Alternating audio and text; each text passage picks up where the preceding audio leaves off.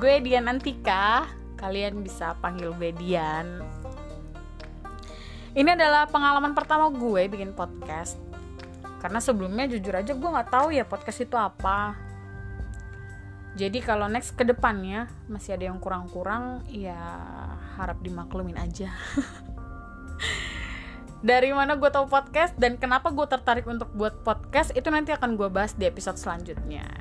Jadi di podcast gue semuanya bisa dibahas. Komedi apa pun olahraga gosip-gosip gibah-gibah pun bisa.